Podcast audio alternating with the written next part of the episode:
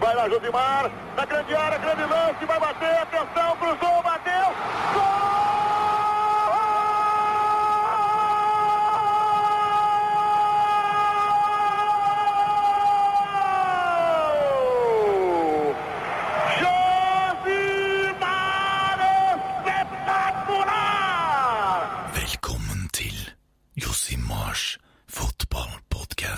Hei og god dag, alle sammen.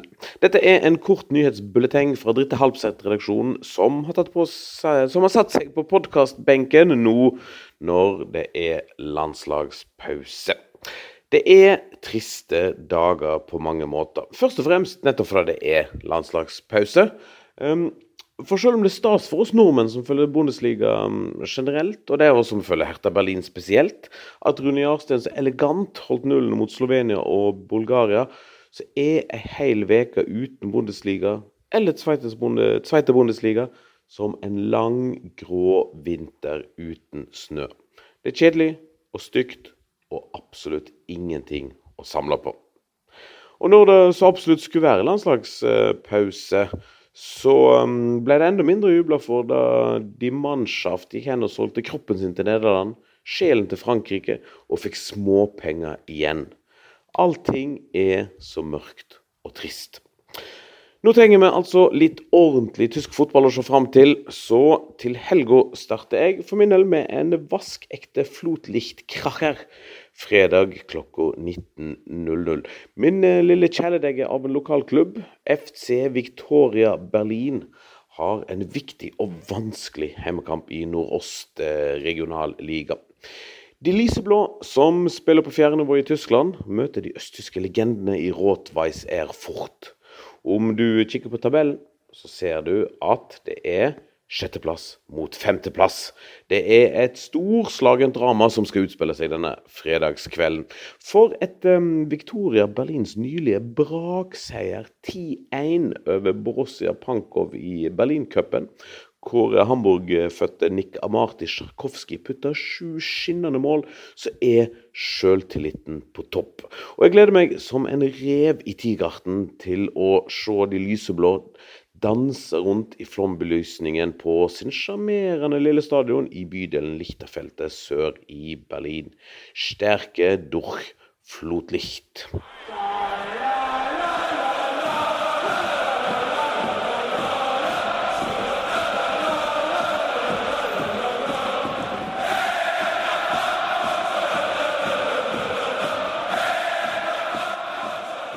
Dersom du ikke er i nærheten av Lichterfeltet til helga, så kan du skru på Viasat, hvor vår kjære keiser Eivind Bistzom Sunde kommenterer Eintracht Frankfurt mot oppkomlingene Fortuna Düsseldorf.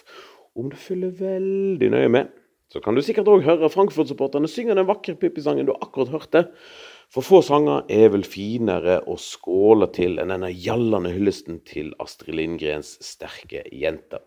Sterke durch Pippi klokka halv ni på fredag. Men tru ikke at Eivind har eh, frihelg etter det. For på lørdag loser han oss gjennom Schalke 04 mot Werder Bremen, og søndag serverer han en deilig, perfekt eh, tilberedt svineknoke i form av Borussia Mönchengladbach, som tar imot Mainz.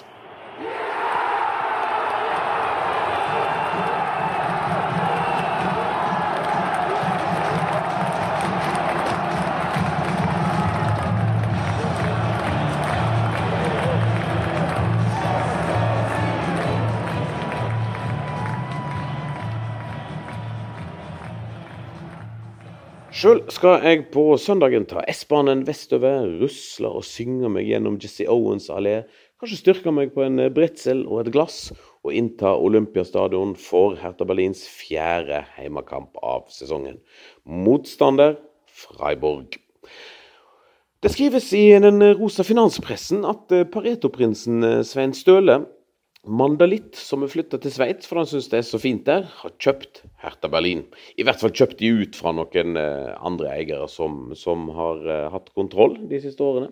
Så mens Rune Jarstein, Andre Doda, Arne Maier, Dilroson går over den blå løpebanen og inn på det grønne olympiagresset til tonene av Frank Sander som synger Nordner Hause, så lover jeg å tenke litt på dette underlige som har inntruffet den siste uka.